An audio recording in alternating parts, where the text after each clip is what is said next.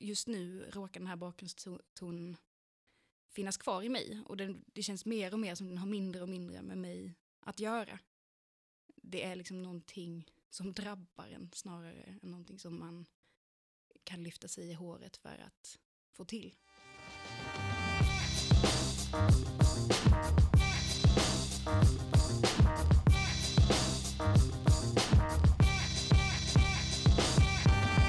Hej och välkomna till Inför Söndag, en podd om kyrkåret där vi brottas med, tröstas eller provoceras av söndagens texter. För dig som ska predika eller för dig som ska lyssna. Jag heter som ni kanske vet Tobias Hadin och är präst i Matteuskyrkan i Göteborg och bibellärare på Hjälmareds folkhögskola. Eh, idag har jag också med mig ingen mindre än Julia Runesson. Du är stats och miljövetare eh, och framförallt en allmänt vettig person tycker jag. Men eh, när, du, när du är stats och miljövetare, vad vet du som inte jag vet? Oj. Um, jag vet hur man ska vända och vrida på saker i det oändliga. Men det tror jag alla lyckas med. Men det här är kanske mer i förhållande till samhället och demokratifrågor i stort. Sen är jag också en person som eh, mer ihärdigt än andra kanske förespråkar att miljön inte har med individerna att göra, utan det är ett systemproblem. Halleluja. Yes. Senast vi hängde, äh, kanske inte senast, men för ett tag sedan så hade vi en liten debatt om klimatet och huruvida vi ska arbeta partipolitiskt eller lite gräsrotsaktigt äh, först och främst för att lösa klimatkrisen. Äh, det är tyvärr ett tema som vi inte får plats med så mycket idag. Det är synd. det är synd ja, eller tur för lyssnarna. Men det är i alla fall någonting som ligger dig väldigt varmt om hjärtat det här med miljön och någonting som du alltid går igång på. Det stämmer, mm. absolut. Hur var det med temat idag då? Vad var det för tema? Kan du berätta lite? Ja, temat för idag är trons kraft. Eh, och den var inte lika, inte lika äggande kanske som stundande miljö och klimatproblem. Eh, samtidigt så kände jag att det är en av de fina grejerna med kyrkoåret, att man tvingas ta tag i de där ämnena som man kanske annars gärna skuffar undan. Jag skulle säga att trons kraft absolut är en sån grej jag hade knuffat undan om det inte var så att kyrkoåret tvingade mig till att eh, tänka på det en söndag. Det är väl både gåvan och förbannelsen med att vara, vara präst, eh, skulle jag säga också. Um, överlag tycker jag ändå att det är en gåva, alltså, för att jag, att, att, jag kan inte tänka mig hur det är i vissa frikyrkor där man som predikant måste liksom komma på någonting själv varje ja. vecka att utgå ifrån. Liksom. Mm. Uh, här, här slipper ju jag det. Liksom. Ja, nej men verkligen. Det är väl fint. Mm. och också alla dessa texter som man annars bara, den där är för svår. Vad, vad, har, mm. har, du någon association eller någonting du vill berätta när du bara tänkte på trons kraft? Så? Ja, alltså spontant tyckte jag väl att titeln är liksom nästan provocerande slagfärdig. Eh, det känns som ett öppet mål för sådana här historier som jag bad för en okänd kille på stan och han blev helad. Mm. Eh, som jag kanske själv kan känna är väldigt svårt att relatera till. Tron eh, för mig är snarare allt annat än kraftfull, väldigt skör och väldigt bräcklig. Um, och det där kan man ju snurra länge på, vad är det, vad är då trons kraft? Och efter ett tag tänkte jag kanske snarare att det är, tron är mer någonting jag inte blir kvitt. Det är som liksom en bakgrundston i livet, Gud finns. Jag vet inte, som ett livets tinnitus. Uh, och uh, att den tonen finns kvar, trots mm. allt annat jag ser, trots allt annat jag tänker och upplever. Det kanske är en kraft. Mm. Liksom. Man blir, ja men det är jättekraftfullt om man inte kan bli kvitt det. Ja, ja. ja precis. Nej, när jag, när jag ja, tänkte på tronskraft så kom jag att tänka på, jag, hängde lite grann i en eh, missionsorganisation med ungdomar som har olika uppgifter. uh, en gång en sommar. Och, och då, där finns det, de gillar principer, för det är väldigt amerikanskt influerat och då ska man ha principer för allting. Uh, och då fanns det en, en princip om uh, förbön som kallades för power prayer. det är bara namn. Power, pow, pow. Det är till och med sådana ljud som blir dåligt i mikrofonen. Uh, och då var det så, vi var i Tyskland, jag hade fått en ögoninflammation. Uh, och då var det dags för lite power prayer för min ögoninflammation liksom, för att den skulle försvinna. Och vet du vad power prayer är? Nej, nej. Nej, nej, det är alltså att alla ber högt samtidigt. Oj, okay. Så att alla ställde sig liksom i en cirkel runt mig sådär. Och så lägger de händerna på mig. Och sen börjar de bara liksom, någon bara så här, ja men Jesus jag bara ber och tackar dig för Tobias, det här är så halleluja. Sen kommer någon, halleluja vi bara ber att du ska fria honom från din... Och sen kommer någon bara, Jesus, Jesus! Och sen bara, halleluja, Ja, inte, ja. inte, vet inte, inte arabiska då, men något ja. ja. ja. Um, men ögoninflammationen försvann. Mhm. Eh, men jag gick också till läkaren och fick ögondroppar. Ah. Så jag vet inte. Men eh, så var det. Så. Den har jag faktiskt kallat för eh, koreansk bön också, Jaha. vilket inte känns helt okej. Kommer från första Mosebok kapitel 15, vers 5 och 6. Och Herren förde ut honom och sa, se upp mot himlen och räkna stjärnorna om du kan. Så talrika ska dina ättlingar bli. Abraham trodde Herren och därför räknade Herren honom som rättfärdig. Första Timoteus kapitel 6, vers 11 och 12. Men du som tillhör Gud, håll dig borta från sådant. Sträva efter rättfärdighet, gudsfruktan, tro, kärlek, uthållighet och ödmjukhet. Kämpa trons goda kamp. Sök vinna det eviga livet som du har kallats till och för vars skull du har avlagt den rätta bekännelsen inför många vittnen. Jag läser från Johannes evangeliet kapitel 9. Där Jesus kom gående så fick han se en man som hade varit blind från födseln. Lärjungarna frågade honom, Rabbi, vem har syndat, han själv eller hans föräldrar, eftersom han föddes blind? Jesus svarade, varken han eller hans föräldrar har syndat, men Guds gärningar skulle uppenbaras på honom. Medan dagen varar måste vi göra hans gärningar som har sänt mig. Natten kommer då ingen kan arbeta. Så länge jag är i världen är jag världens ljus. Sen spottade han på marken, gjorde en deg med spottet och strök degen på mannens ögon och sa Gå och tvätta dig i Siloa-dammen. Siloa betyder utsänd. Mannen gick dit och tvättade sig och kom tillbaka seende. För andra gången kallade fariséerna till sig mannen som hade varit blind och sa till honom Ge Gud äran, vi vet att den här mannen är en syndare. Mannen svarade, om han är en syndare det vet jag inte. Men det vet jag, att jag som var blind nu kan se. De frågade honom, vad gjorde han med dig? Hur, hur öppnade han dina ögon? Han svarade, det har jag redan sagt er, men ni vill inte lyssna. Varför vill ni höra det igen? Kanske ni också tänker bli hans lärjungar? Då snäste de av honom och sa, du är hans lärjunge, men vi Mose lärjungar. Vi vet att Gud har talat till Mose, men varifrån den här mannen kommer, det vet vi inte. Han svarade, ja, det är det märkliga. Att ni inte vet varifrån han kommer, och ändå har han öppnat mina ögon. Vi vet att Gud inte lyssnar till syndare, men om någon fruktar Gud och gör hans vilja, då lyssnar han till honom. Aldrig förr har man hört att någon har öppnat ögonen på en som var född blind. Om den här mannen inte vore sänd av Gud hade han inte kunnat göra någonting. Då sa de till honom, du föddes syndig allt igenom och du ska undervisa oss. Och de körde ut honom. Jesus fick höra att de hade kört ut honom och när han träffade honom så frågade han, tror du på Människosonen? Han svarade, vem är han herre? Jag vill tro på honom. Jesus sa, du har sett honom. Det är han som talar med dig. Då sa han, jag tror, Herre, och föll ner för honom. Och Jesus sa, till en dom har jag kommit hit till världen, för att de som inte ser ska se, och de som ser ska bli blinda. Jag tycker alla texterna var svåra att läsa just de här utdragen.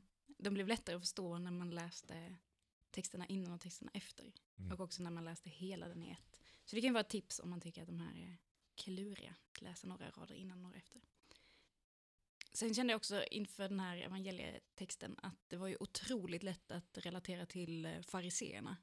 De har liksom i eh, är det 2000 år trott på Gud, Mose, Abraham. Eh, så kommer det en person eh, och gör ett under. Och det står dessutom i texten innan att de är inte riktigt säkra på ifall det är samma kille som kommer tillbaka som faktiskt har fått synen eller inte. Det känns väl jätterimligt att de bara, hmm, ka kanske inte eh, att vi eh, hoppar på tåget direkt eh, och följer Jesus. Liksom. Ehm, och för den här personen som har fått tillbaka synen, det är väl en sån klassiker att så här, hade vi bara fått vara med om under så skulle vi tro mer.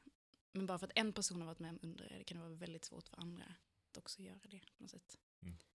Um, är det också svårt att relatera till just trons kraft? För ofta så säger vi att man, liksom, man gör grejer i kraft av tron. Mm. Men Jesus är ju Gud själv, han gör ju inte detta i kraft av tron, han gör det i, i egenskap att vara Gud, så lyckas han hela. Så det är ju väldigt svårt att, liksom, vem är det som agerar? Exakt, och vems tro är det här? Ja, och vems tro är Den här det? snubben som är blind verkar inte heller komma med massa tro, utan han blir mer överraskad av att han Ja. kan bli helad liksom. Han säger väl människosonen, vem är det? Typ. Eh, ja, jag tror, eller ja. Precis, han vet ju inte ens, alltså, han vet Nej. inte vad han ska tro på. Eh, och så blir han helad, och då börjar han fundera liksom, eh, på om det här kan vara någonting. Men det tycker jag, alltså ibland i Bibeln så står, eller i Nya Testamentet står det att Jesus inte kunde hela på en plats för de hade ingen tro. Eh, och ibland helar han och förlåter någon synder på grund av den personens vänners tro. Ibland så helar han utan att någon ens har bett om det. Ibland frågar han om de verkligen vill bli helade. Ibland så ger han beröm för en tro. Det, är, det är extremt eh, sådär att Jesus bara verkar göra lite, alltså vi kan inte bygga någon teologi kring det här alls. Gå, Liksom. gå på feeling. Ja men lite så, bara, Ja. nej men eh, jag, jag vill hitta en ursäkt att hela så jag gör det. liksom. Och så kan det vara lite vad som helst. Ja. Nej, så jag tyckte inte alls, men det var ju också lite skönt, det var ju inte en sån tydlig take home message, pang bom, i den här. Eh, ha en stark tro, då slipper du sjukdomar. Exakt. Så var den ju absolut inte. Ja, tvärtom, snarare. alltså, det handlar Ja. inte om att du har syndat eller gjort fel som gör att man är sjuk eller Nej, det går emot en. nej precis. Så det finns väl minst sagt fler lager här. Ja, skulle någon komma nu när vi har trott på Jesus i 2000 år med en person som helar en kille, jag hade ju inte trott på den. Jag hade ju hållit mig till den traditionen jag står precis som fariseerna gör. Mm. Det kan fascinera mig ganska mycket. Ehm, när man har gått i söndagsskolan har man ju ofta fått bilden av att fariseerna är den här the bad guy. Liksom. Eh, men ju mer jag läser Bibeln, ju mer förstår jag ju att det är, är jag i nästan alla de situationerna. Ehm, och att, man en, att människor ens har lyckats komma till tro trots att har varit så starkt rotade i sin egen tro då kan ju vara, ja, det har jag svårt, svårt att förstå. Mm. Och det är Mm. också så, alltså, det glömmer man ofta, men Jesus, rent om man nu får vara så kyrkohistorisk, så, så, eller vet du, lite exegetik här, så alltså, Jesus är ju närmast fariseerna av alla grupperingar som finns i Israel på den här tiden, i religiösa, olika teologiska inriktningar och sånt.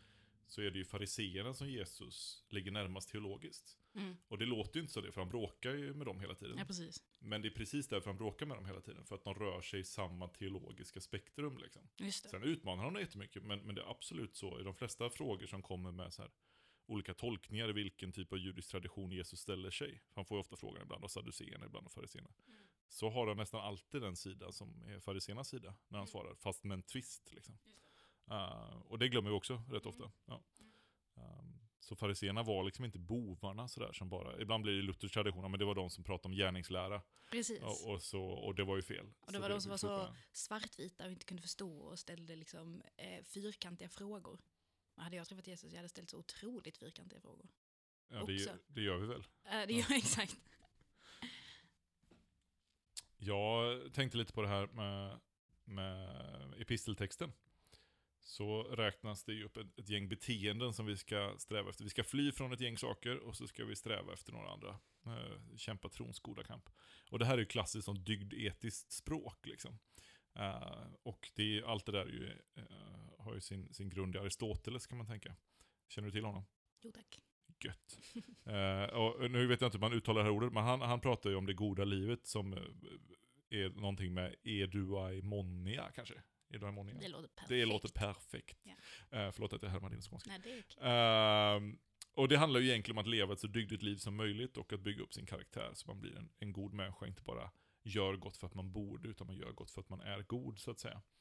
Eh, och han är ju egentligen den som myntar det här begreppet med den gyllene medelvägen. Det tänker man inte så ofta på, men han har ju ehm, en dygd där egentligen medelvägen mellan två extremer. Mm. Eh, till exempel om vi tar, tar mod då som en, en dygd. Eh, så är, är den ena extremen är att vara feg. Och det är en last då. Eh, och den andra extremen det är att ha övermod och tro för mycket om sig själv och liksom bli högfärdig. Mm. Och då är, då är dygden att hålla sig däremellan. Eh, och att vara modig då. Och där tänker man ju så att ju mer man gör en sak, desto mer blir man det. Så att du blir vad du gör. Och det, det är precis den traditionen som Paulus eh, förhåller sig till väldigt ofta i sina texter. Eh, och det, han räknar upp ett antal dygder här ju som vi ska sträva efter och öva på och försöka eh, efterlikna. Liksom. Men, men ibland funderar jag på vi- vad är extremerna till dem han, han säger där? Alltså han, han nämner ju då sträva efter rättfärdighet, gudsfruktan, tro, kärlek, uthållighet och ödmjukhet. Precis. Menar du då att de här skulle vara mittpunkterna? Ja, om man- vad om man är, tänker Vad så. är till höger och vänster om de Precis, här? Ja. precis. Det är lite kul förresten att Aristoteles är eh, killen bakom lagom. Ja, för det jag tänkte på när jag läste texten var snarare att det här är ju ouppnåeliga mål, Mm. men, men goda mål. Liksom. Eh, och då är det ju svårt att tänka sig att det skulle vara någonting lagom med de här, att de här skulle vara en slags medelväg. Ja, just det. Jag, jag, Ehm, för att Guds fruktan och tro, alltså, Mm. och kär, alltså kärlek är ju bland det mest extrema vi kan hålla på med. Liksom. Mm. Är väldigt svårt att se vad som skulle kunna vara, motsatsen till det är ju kärlekslöshet kanske. Eh, men beyond kärlek, vad finns där? Liksom? Men skulle det kunna vara snällhet då istället? Alltså om, om, om man tänker att kärlek är, är någon slags handling.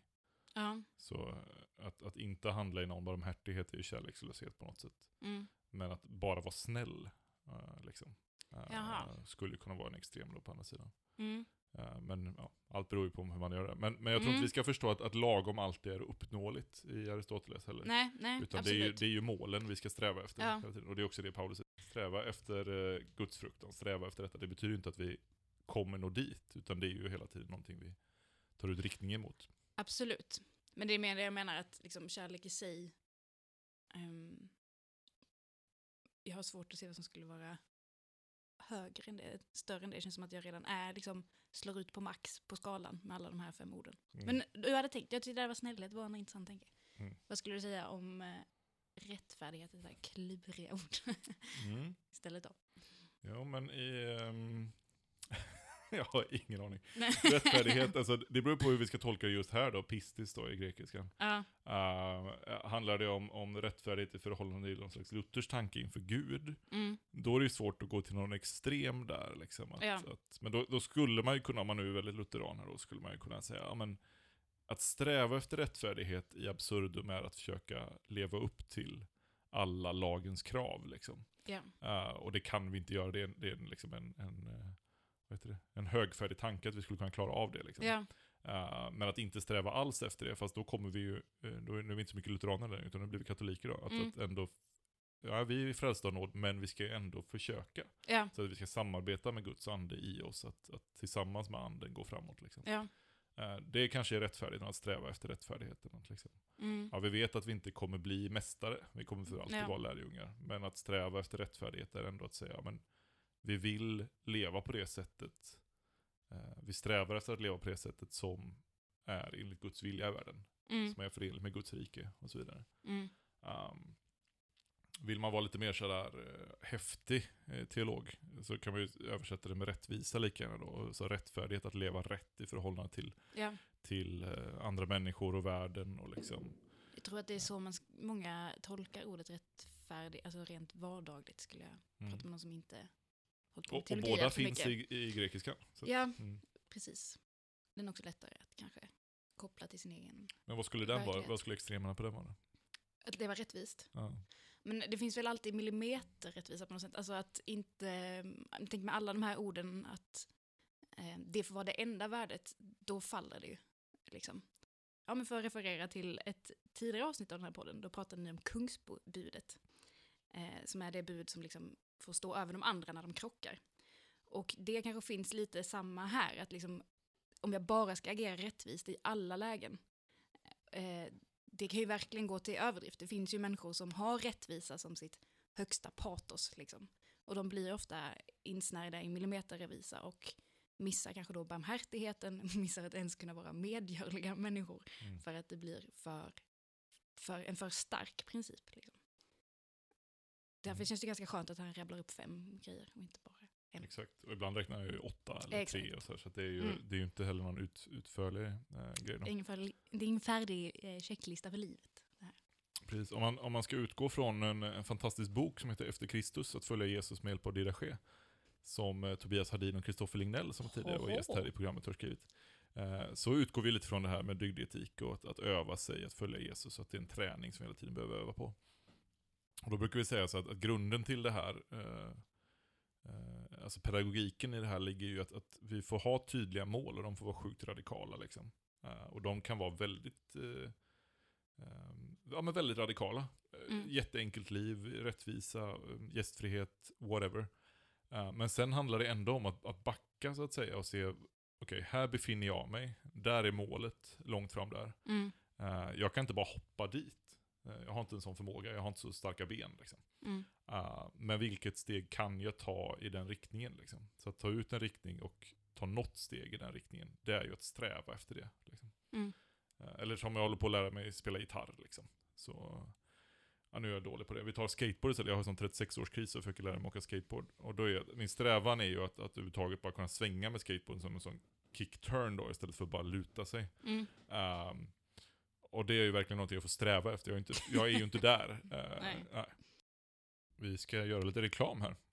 Kyrkåret är en app som hjälper dig att hålla reda på just kyrkoåret, alltså söndagarna och helgdagarna som finns där och dess textläsningar. Du får också se vilken liturgisk färg det är, du får lite förslag på salmer och annat man kan sjunga.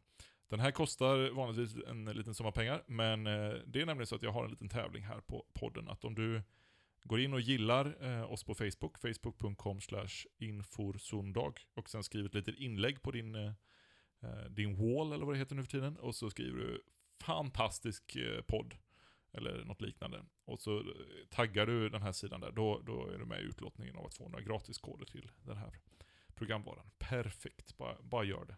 Det ska jag göra. Varför helar inte bara Jesus? Alltså ibland helar Jesus, eh, han bara uh, gå i tro du är frisk, eller gå härifrån du är frisk. Bara med sitt ord. Mm.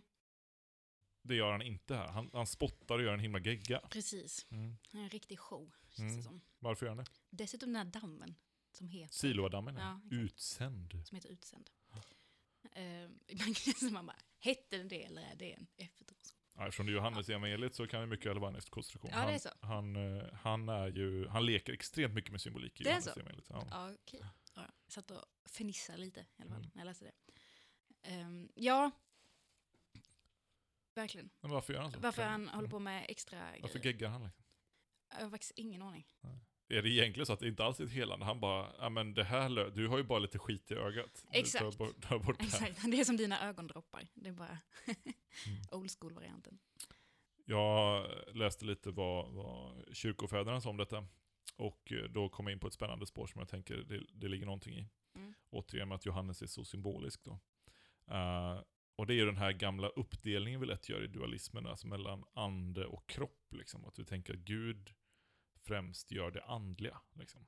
Eh, kan Gud inte bara använda sin, sitt, sitt ord, sin ande, sitt liksom, icke-materiella för att göra sin vilja? Jo, det gör ju Gud jätteofta. Men om vi tänker tillbaka och ser vart Gud har blivit tydlig i Bibelns historia, så är det ju i, i samarbete med materien hela tiden. Eh, speciellt i skapelsens morgon så är det ju Guds ord som talas, eh, som Jesus identifieras med. Och genom det ordet så skapas någonting. Eh, och när människan skapas så tas vad då? Jo, lite lera. Eh, och så formas det till en människa. Och så blåses det livsande in i den. Så Gud samverkar med materien för att skapa människan. Jesus tar, vad då? Lite jord samverkar med jorden och nyskapar hans blick. Mm. Uh, så här har vi skapat guden i Jesus som, som återigen tar det. Och salivet då, om man ska vara väldigt symbolisk här, är ju, kommer ju från hans mun då, alltså ordet. Mm. Som sammanblandas med, eller som, som uh, samarbetar med materien. Och så sker den nya skapelsen så att säga i honom. Mm. Um, var det liksom en, en uh, symbolik som låg latent hos folk, att de skulle kunna förstå det? Jag tänker att uh, det, den är lätt att koppla när man har haft näsan i teologiböckerna. Mycket, mm. liksom. Men Johannes är ganska mycket sån. Mm, alltså, okay. han, ja. han skriver rätt mycket, han är verkligen för de som vill sitta och grubbla. Liksom. Ja. Uh, så att jag tror det. Mm. Um, jag tror att det ligger någonting i det där. Det, mm. Dock förekommer berättelsen även i Markus evangeliet. Ja, med just leran. Uh, med just leran, ja. Precis. Mm. Så att det, är inte, det är inte bara där, eller i alla fall spottet. Jag vet inte om man tar lera där. Man tar i alla fall spott. Ja. Uh, men, men jag tänker så här, alltså hela inkarnationen bygger ju på att, att Gud frälser materien, eller inkarnationen är att Gud frälser materien ja. och inte frälser oss från den. Ja. Uh, och därmed så behöver vi inte bli så förvånade när Gud tar något skapat och väljer att samarbeta med det för att utföra sitt verk. Mm. Och det är egentligen precis det han gör med hela kyrkan. Han mm. tar oss, eh, tillför sin ande eh, och skapar en ny mänsklighet. Liksom. Ja. Eller nattvarden. Han tar en bit bröd och en bit vin. Också. Skulle Gud inte kunna inkorporera oss i Kristi kropp utan bröd och vin? Jo, det är klart han skulle. Ja. Och det kanske han gör ibland när det, finns nödsituationer där man inte kan ta nattvard eller man står utanför kyrkans gemenskap eller så. Uh, men vi får ett medel som är materia för att Gud har frälst materien. Alltså materien är en, en, mötesplats för det gudomliga, det är inte någonting som står i vägen för det gudomliga mm. äh, längre. Då. Och mm. där kanske den här, alltså, det är ju en väldigt brutal bild att Jesus, alltså det var inte fräschare på den tiden att spotta i lera. Och, och klättra det på någon annan, nej. Ut, men, så det blev en extremt fysisk bild. Liksom. Ja. Det är lite som att tänka sig att Jesus gick och bajsade. Alltså universums konung sitter och skiter. Liksom. Det, det, blir helt bisarrt för oss att tänka så. Ja. Uh, men det är precis det som är liksom, inkarnationens hela liksom, utmaning och det vi måste ta fasta på. Att det är genom våra djupt mänskliga sidor eller djupt mater materiella sidor som vi kan möta det gudomliga ja. uh, tydligast. Och då kanske vi ändå landar tillbaka till att det inte är våran tro utan Guds tro. Ja, precis. Alltså, och återigen, det här ordet pistisk kan ju översättas med att det är Guds väldigt ofta hos Paulus i alla fall, så kan det översättas med att, att vi blir frälsta av rättfärdighet, eller Guds rättfärdighet som ja. kommer till oss genom tro. Och då är det frågan, väldigt ofta hos Paulus, så är det dubbeltydigt, vi kan översätta på olika sätt. Är det våran tro på Gud mm. som gör oss rättfärdiga, eller det Guds trohet mot oss, alltså ja. enligt sina löften som gör oss rättfärdiga? Precis. och båda tolkningarna är möjliga väldigt ofta. För det tänker jag också är kanske den mer intressanta aspekten att diskutera, eller tänka kring, kring tron, är just den dubbelheten. För i vår tid tror jag att tron lätt blir ytterligare ett individualistiskt eh, projekt. Eh, som vi började med i början, att det liksom, eh, man ska lyckas med att eh, ha en väldigt stark och eh, fyllig tro, vilket är väldigt svårt att lyckas med. Ehm, men att det snarare är någonting som drabbar mig. Du är då menar att jag är så hårt skolad i nåden här. Men eh, att det snarare är någonting som, som drabbar mig som jag inte rår på. Och i en av de andra texterna som finns med eh, för den första eh, årgången för det här, den här söndagen, som var synd att den inte var med den här gången, eh, det är från Hebreerbrevet 11 och 1, där det står Tron är grunden på det vi hoppas på. Den ger oss visshet om det vi inte kan se. Um, och det här, den ger oss visshet om det vi inte kan se. Jag tycker det öppnar upp för eh, mer en sån känsla man kan ha inför sin tro. Den här sköra bakgrundstonen som bara råkar finnas kvar. För det jag ser pekar ju på allt annat. Jag har sett många eh, vänner som inte haft kyrklig bakgrund få komma till tro, men majoriteten av dem har också lämnat tron. Det är ju det jag ser. Eh, det ger inte alls något, något golv till min egen tro. Eh, den borde ju snarare innebära att min tro också går förlorad. Eh, men trots det, just nu råkar den här bakgrundstonen finnas kvar i mig. Och den, det känns mer och mer som den har mindre och mindre med mig att göra. Det är liksom någonting som drabbar en snarare än någonting som man kan lyfta sig i håret för att få till. Ibland, jag vet inte, närmsta liknande kanske typ så här olycklig kärlek eller något. Den kärleken är ju, alla runt omkring en säger att släppa det. Eh, den är jätteologisk. Eh, och man kanske förstår intellektuellt på alla möjliga sätt att den inte finns, men ändå är den. Eh, den är någonting som drabbar. Jag tror efter att ha läst de här texterna att det snarare är det jag landar i om trons kraft. Ihärdigheten. Och tacksamhet för att få bli drabbad kanske snarare. Tack för att du kom hit Julia. Eh, och tack du för att du har lyssnat. Hör av dig med tankar och kommentarer på Facebook. Gillar du det du hör så får du gärna hjälpa mig att ha råd att fortsätta med podden eh, och inte gå back i alla fall. Du kan swisha lite på 073 6239 668. Men jag fattar helt om du inte vill tjäna mammon och istället ge mig ett omnämnande på sociala medier. Det är också sjukt mycket värt. Eh, ha det så bra. Gud välsigne dig. Hej då. Hej då.